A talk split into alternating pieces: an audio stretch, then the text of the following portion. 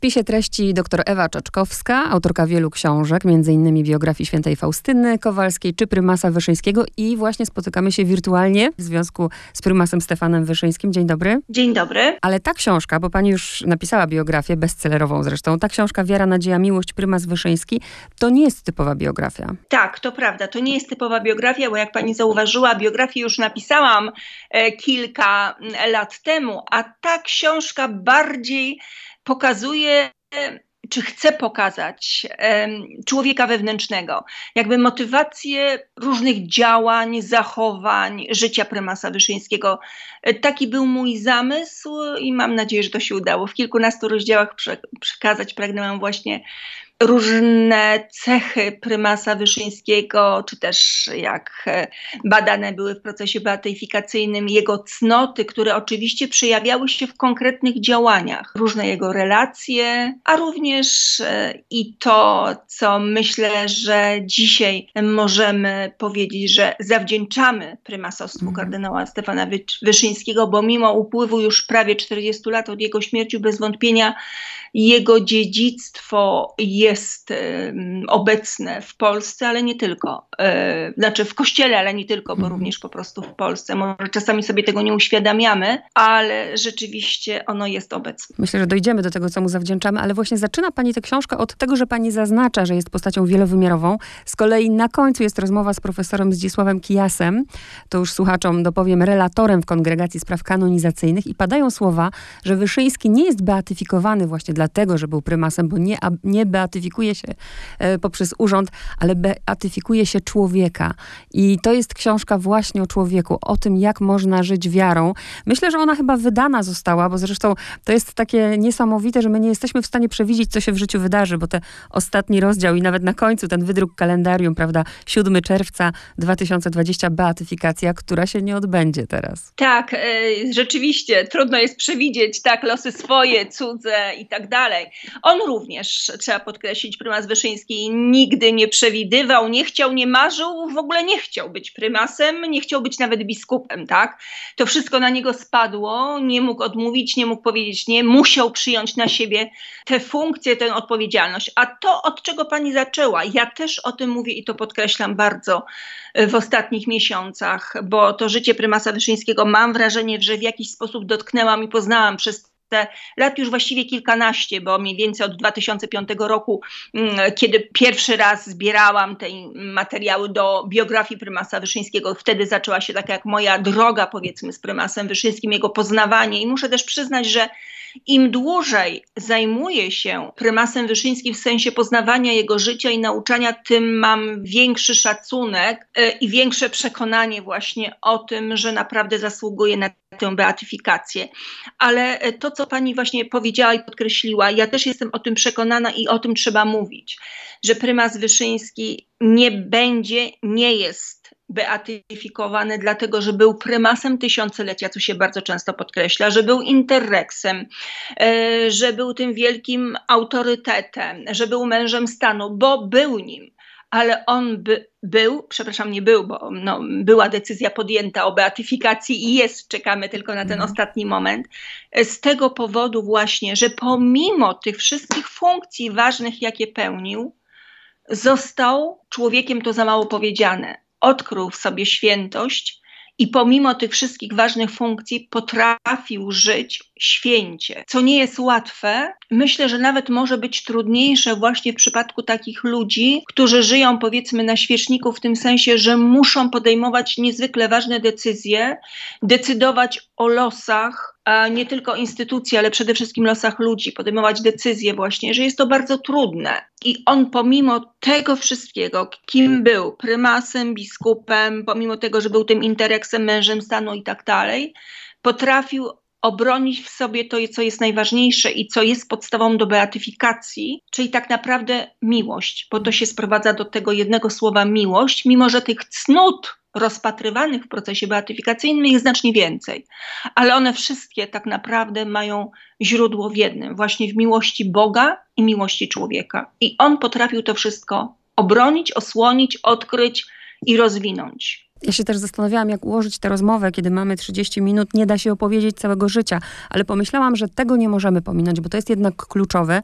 Słuchaczom dopowiem bardzo krótko, że Wyszyński rodzi się w 1901 roku, jeszcze w czasach zaborów, w rodzinie organisty, ale to, co wydaje mi się bardzo istotne, to to, że umiera mu mama, kiedy on ma 9 lat. I kiedy czytałam w pani książce fragmenty, prawda, cytaty tego Wyszyńskiego, który tak. pisze o swojej mamie, tak jak byłby no, dzieckiem, z perspektywy takiego dziecka. I pomyślałam, że kluczowe chyba jest to, że kiedy umiera mama, to dlatego on później e, poświęca całe swoje życie Maryi, żeby tę mamę mieć, prawda? Tak, to przyznaję też, że dla mnie to było niezwykle wzruszające, kiedy czytałam właśnie te fragmenty i czytam je nadal w promemoria prymasa Wyszyńskiego czyli w jego dziennikach, które między innymi ja również uczestniczę w przygotowywaniu, takim naukowym opracowaniu przygotowaniu do druku.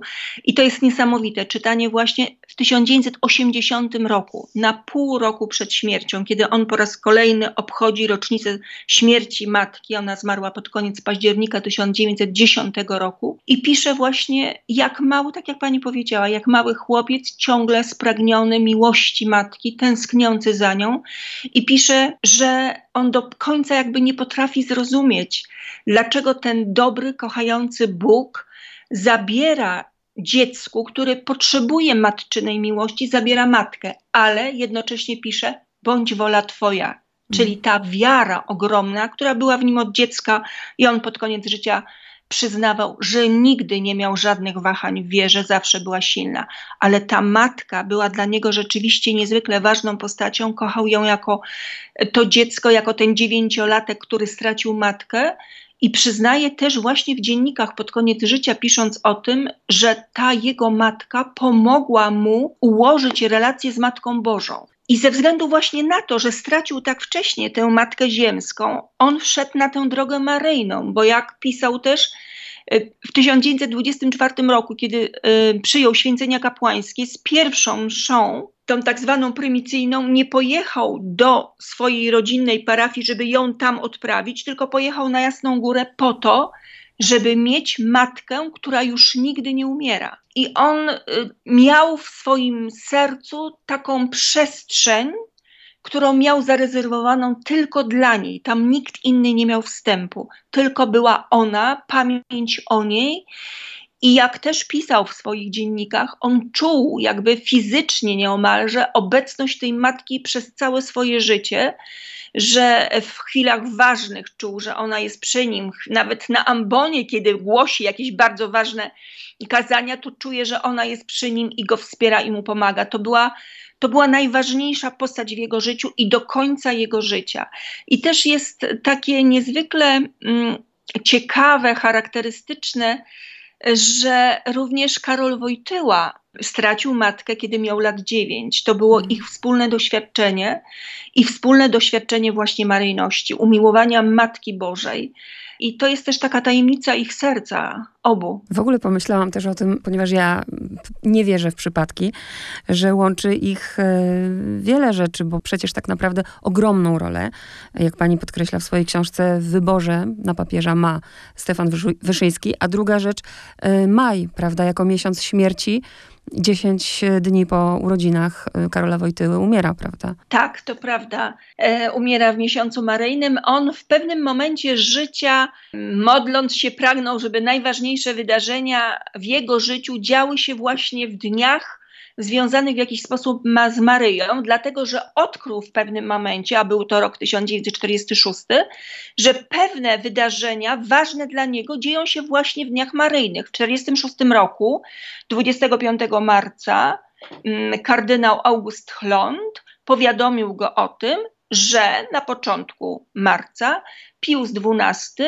podpisał jego nominację na biskupa lubelskiego. 25 marca wiemy, że jest to uroczystość zwiastowania mhm. pańskiego. I on w pewnym momencie zaczął bardziej patrzeć na pewne dni uroczystości święta Maryjne i się zorientował, że wszystko, co ważne w jego życiu, dzieje się właśnie w uroczystości maryjne. I na przykład 16 listopada 1948 roku, kiedy Pius XII podpisał jego nominację na prymasa Polski i arcybiskupa gnieźnieńskiego i warszawskiego, to, była, y, to było święto Matki Bożej Miłosierdzia. I od tego momentu prymas Wyszyński zaczął też starać się podejmować ważne decyzje właśnie w dni maryjne.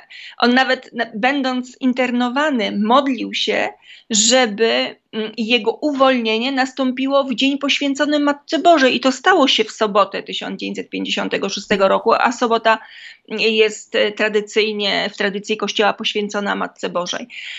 Więc rzeczywiście to nie były zwykłe zbiegi okoliczności, zresztą nie ma ich jak mhm. wierzą chrześcijanie. On rzeczywiście prymas w pewnym momencie całe swoje życie splódł z Maryją, a stało się to e, w sposób taki, no powiedziałabym, najważniejszy, nieodwołalny 8 grudnia 1953 roku, kiedy złożył akt oddania się w niewolę miłości Maryi. Cały zawierzył się Maryi. E, był wtedy już e, internowany w stoczku warmińskim w miejscu uwięzienia i wtedy właśnie zdecydował się na ten akt, który miał ogromne konsekwencje dla jego życia osobistego, ale również dla Kościoła i dla Polski. Dla jego życia w tym sensie, że jak przyznawał po latach, bo nie od razu, nie wtedy, ale mówił o tym bliskim osobom po wyjściu z internowania, on w momencie złożenia tego aktu poczuł się zupełnie wolny. Uwięziony, pilnowany przez funkcjonariuszy UB, przez ponad 100 funkcjonariuszy Korpusu Bezpieczeństwa Wewnętrznego, poczuł się wolny, przestał protestować, przyjął to, co wierzył Bóg, Maryja mu przeznaczył i zaczął po prostu dobrze i owocnie jakby przeżywać ten czas izolacji. Owocnie w tym sensie, że jako człowiek wolny wewnętrznie, mimo że zewnętrznie uwięziony, przygotował wielki program, duszpasterski program, którego celem była właśnie wolność Kościoła i wolność narodu. Myślę o jasnogórskich ślubach narodu, o Wielkiej Nowennie, a później jeszcze do tego doszedł program obchodów Milenium Chrztu Polski w 1966 roku. E, więc ten program rzeczywiście miał e, ogromne znaczenie i ma dla, dla nas dzisiaj, a on się zaczął tam, właśnie w niewoli, a swoje początki czy korzenie miał właśnie e, w oddaniu się w niewolę Maryi. Skoro nie ma przypadków, to ta książka w tym czasie jest naprawdę idealna. Wczoraj sobie nawet spisywałam ten dekalog, który jest tu zawarty, bo y, możemy właśnie się nauczyć od y, kardynała Wyszyńskiego, jak sobie radzić z izolacją, ale też coś, co jest mi bliskie. Niektórych to może szokować, mnie to akurat nie szokuje, to, że modlimy się właśnie za wrogów. Zresztą on jakby mm, i tak największą nić sympatii czuł do Bieruta, bo mówił, że Bierut był konkretny i z nim jakoś można było się porozumieć, ale właśnie to, że on jest wolny i nie ma do nikogo żalu, nie ma do nikogo nienawiści i tak, modli To jest rzeczywiście e, niesamowite. Jeżeli sobie uświadomimy i spróbujemy wyobrazić siebie w takiej sytuacji, to wtedy chyba najlepiej zrozumiemy jego mhm. sytuację czyli jest internowany w czasach stalinowskich. To zupełnie jest inny okres niż lata 80. nawet, tak? Jest osadzony w więzieniu tak naprawdę, bez wyroku, bez sądu, nie wie czy kiedykolwiek wyjdzie, czy wywiozą go na wschód i tak dalej. I po trzech miesiącach internowania w 1953 roku w Wigilię pisze nie zmuszą mnie niczym, abym ich nienawidził. Mm -hmm. To jest pierwszy krok w ostatnim dniu 53 roku robi jeszcze głębszy rachunek sumienia właśnie z tej cnoty miłości. I pisze szczerze, że on myśli, że rzeczywiście jednak miłuje, że z tej cnoty chrześcijańskiej wychodzi jakoś zwycięską ręką, że miłuje i co jest dalszym krokiem. On modli się za tych, którzy uważają siebie za jego wrogów i jego uważają za wroga. Modli się za nich, ma wypisane na okładce brewiarza nazwiska przywódców ówczesnej Polski właśnie z tym Bierutem przez panią wspomnianych i innymi osobami. Modli się za nich. To jest kolejny krok. Nie mm. tylko, że nienawidzić, tak, ale czynić dobrze i jeszcze się modlić za te osoby. On modli się również za Bieruta po jego śmierci, a Bierut był przecież tym, który tak naprawdę głównie on zadecydował o aresztowaniu prymasa i jego osadzeniu. Zmarł 12 marca 1956 roku nagle w Moskwie. Mm, prymas się o tym dowiaduje następnego dnia, już jest w Komańczy, w tym miejscu najłagodniejszym internowania, ale wciąż jest przecież więziony. A co ciekawe, właśnie w noc e, poprzedzającą tę informację, Bierut mu się śni. I prymas nie tylko, że na znak żałoby rezygnuje z drobnych przyjemności, jaką było wyjście na spacer, że odprawia za niego mszę, ale co więcej, obiecuje mu, że będzie się za niego modlił. Bo skoro on przychodzi do niego we śnie, to znaczy, że prosi go o tę modlitwę. I to jest niesamowite, jeżeli będziemy wiedzieli i mm. pamiętali, kim był Bierut, jakie zbrodnie, prawda, mm. miał na swoich rękach i jeszcze to, że właśnie on był głównym sprawcą uwięzienia Wyszyńskiego. On się za niego modli. Także to jest wydaje mi się, że chyba tylko to by wystarczyło tak naprawdę do beatyfikacji. Mm -hmm. Właśnie ta miłość wrogów i modlitwa za nich. Ten rozdział módl się pracą, czyli o pracy tak. jako środku do świętości. E, tak, rzeczywiście to jest wielki obszar myśli i nauczania prymasa Wyszyńskiego, czyli praca.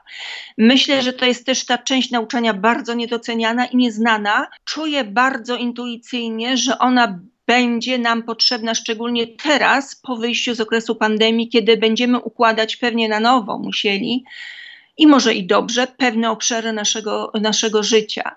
Mm, prymas Wyszyński zajmował się pracą od lat międzywojennych. On wtedy jako publicysta e, pisał też dużo właśnie na temat pracy, a w 1946 roku e, wyszła jego książka Duch pracy ludzkiej, która jakby sumowała jego przemyślenia, jego artykuły z okresu międzywojennego i z okresu wojny, bo wtedy też pisał, powiedzmy to do szuflady, wyszło to po wojnie. Prymas rzeczywiście pokazuje tę wartość duchową i moralną pracy że praca nie jest tylko tym właśnie sposobem na zarabianie, prawda, na, na, na nasze potrzeby egzystencjalne, na to, że musimy zarobić, prawda, na życie swoje i naszych rodzin. Ale tak naprawdę praca jest udziałem e, w dziele stwarzania ciągle świata przez Boga. My jakby uczestniczymy w tym dziele stwarzania świata który został stworzony na początku przez Boga.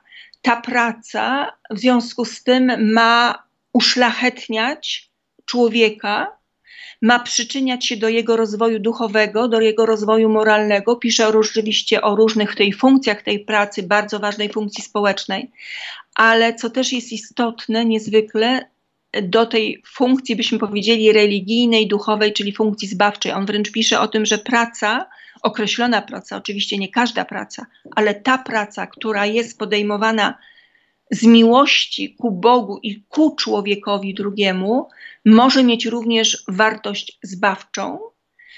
E, to jest niezwykle istotne. A druga taka myśl to jest to, że praca może być również modlitwą.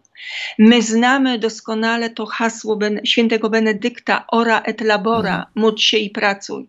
A Wyszyński mówi nie, módl się pracą. To nie znaczy, że praca może zastąpić modlitwę, ale że praca wykonywana właśnie z miłości ku mm. Bogu i ku człowiekowi, praca szlachetna, która spełnia określone warunki, ona może być w jakiś sposób również modlitwą, czyli tym, co będzie nas przybliżało ku Bogu. Niby takie oczywiste, bo jeśli ja będę użyteczna swoją pracą, nie będę egoistycznie myślała o sobie, o tym, żeby zarobić, tylko moja praca będzie użyteczna dla drugiego człowieka, to jednocześnie staje się to modlitwą. Tak, mm. to jest rzeczywiście piękne. On sam tego też doświadczał, bo to był człowiek z jednej strony ogromnej pracy, to tak. był tytan pracy. To też mnie interesowało, to kiedy, że budzi tak. się codziennie po czwartej, prawda? Tak. Pani tutaj pokazuje całą, cały dzień jego. Tak, modli się, msza święta pewnie o 7, 7.30, śniadanie i tak dalej. On się do tego czasu modli, pisze też, pisze, czyta, ale przede wszystkim się modli. Potem cały dzień to jest to są spotkania z ludźmi, różnego typu obowiązki, ale jak mówią świadkowie jego życia, on potrafił się modlić również właśnie w tym, w tym czasie spełniania swoich obowiązków, czy tych też krótkich chwilach przerwy. Potrafił odnosić jakby swoją myśl do Boga. To jest niezwykła umiejętność, ale też wymaga na pewno e, dużej pracy, tak, prawda? Samoświadomości ogromnej, ale przede wszystkim tej chęci jakby bycia cały czas w obliczu Boga. Mm, ale no właśnie Wyszyński pokazuje, że jest to możliwe. No i jeszcze dwie kwestie. Jedną właściwie dokończymy, bo już zaczęłyśmy o niej mówić. Właśnie zbliża się też Dzień Mamy i była mowa o tej mamie, ale od mamy chcę przejść do kobiety, bo cały rozdział jest tutaj poświęcony kobietom. I to, że stosunek prymasa do kobiet, no jak na tamte czasy był nowatorski, bo nawet i dzisiaj nadal niby się mówi, że, że jesteśmy w innym punkcie, ale jednak e, prymas zupełnie inaczej podchodzi do roli w ogóle kobiety, nawet w kościele. Tak, to prawda i też myślę, że to było bardzo bardzo rewolucyjne jak na ówczesne czasy, ale również i na dziś. To się wiązało i wynikało pewnie z wielu elementów, właśnie przede wszystkim związanych z matką, ale również z tym, że w okresie wojny spotkał grupę dziewcząt wtedy młodych, tak zwany zespół ósemka, który potem się przekształcił w Instytut e, Świecki Pomocnic Maryi, Matki Jasnogórskiej Kościoła, długa nazwa, w skrócie mówiąc Instytut Prymasa Wyszyńskiego, dzisiaj możemy tak mówić. Mm, to były panie, które e, tworzyły właśnie taki Instytut Życia Konsekrowanego, ale były to świeckie konsekrowane osoby towarzyszyły mu przez całe życie i myślę, że miały też duży wpływ na jego myślenie o obecności kobiet w kościele. Na pewno miały.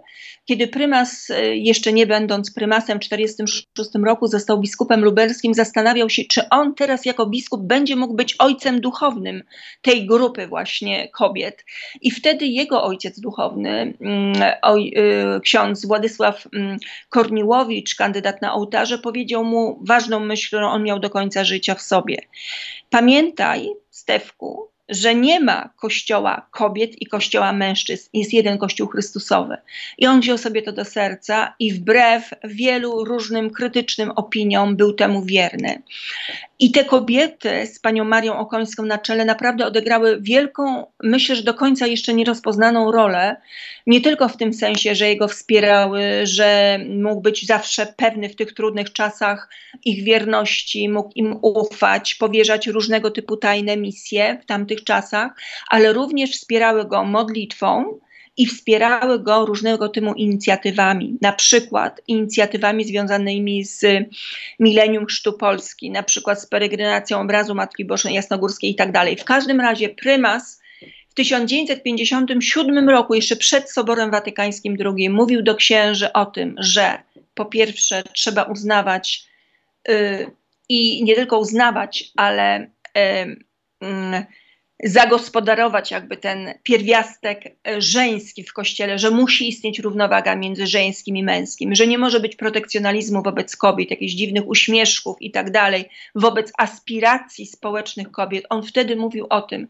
że oczywiście no, rolą najważniejszą kobiety z racji płci jest macierzyństwo, ale nie każda kobieta ma powołanie do macierzyństwa i do życia w rodzinie i one też mają prawo realizacji swojego powołania danego od Boga w życiu społecznym. I myślę, że na takie myślenie prymasa miały rzeczywiście wpływ te kobiety, które były wokół niego. I to było naprawdę na ówczesne czasy rewolucyjne myślenie bo on te kobiety wspierał. On jeszcze zanim powiedział o tym Sobór Watykański II, on uważał, że kobiety mają prawo studiować teologię i pozwalał. On im pozwalał robić doktoraty z teologii, o czym jeszcze nikt wtedy nie myślał szeroko w kościele. Promował te kobiety na swój sposób, spotykając się, jak powiedziałam, z krytyką, czy też z działaniami służby bezpieczeństwa, która chciała go z tego powodu zdyskredytować. Więc to było naprawdę takie nowatorskie myślenie, gdy chodzi o obecność kobiet w kościele właśnie w tamtym czasie. Właściwie wszystko, o czym udało nam się porozmawiać w tym krótkim czasie, czy o modlitwie za nieprzyjaciół, czy o pracy, zawiera się w tym niesamowitym dekalogu. Ale jakbyśmy tak. zakończyły tę rozmowę, ja wiem, że to jest strasznie trudne pytanie, bo o tym jest cały rozdział i pewnie nie jedna książka.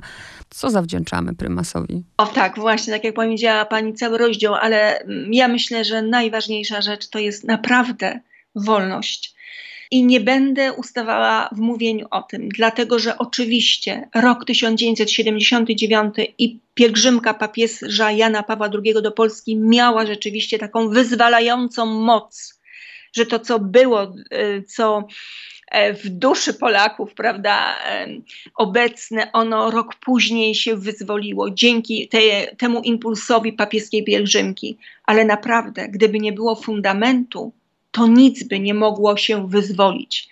To było w duszy Polaków dzięki między innymi, bo nie tylko na pewno, ale dzięki wielkiej, kilkudziesięcioletniej pracy prymasa Wyszyńskiego, czyli myślę o tym programie milenijnym od jasnogórskich ślubów narodu przez Wielką i Milenium Chrztu Polski, bo był to program obliczony na wolność człowieka, wolność jego ducha i prymas w 1968 roku, dwa lata po zakończeniu milenium, mówił, że jeżeli miliony Polaków, mówię w wielkim skrócie i nie cytując, ale sens był taki, jeżeli miliony ludzi w Polsce będą ludźmi wolnymi wewnętrznie, to nie ma takiej siły, która by mogła zahamować ich aspiracje, ich dążenie do tego, żeby stali się również wolni zewnętrznie, wolnym narodem. I to się stało te 12 lat później, tak, w 80 roku, kiedy upomnieliśmy się y, o wolność. Jasne, jeszcze trzeba było czekać i cierpieć, ale naprawdę fundament był położony przez Wyszyńskiego właśnie wtedy i,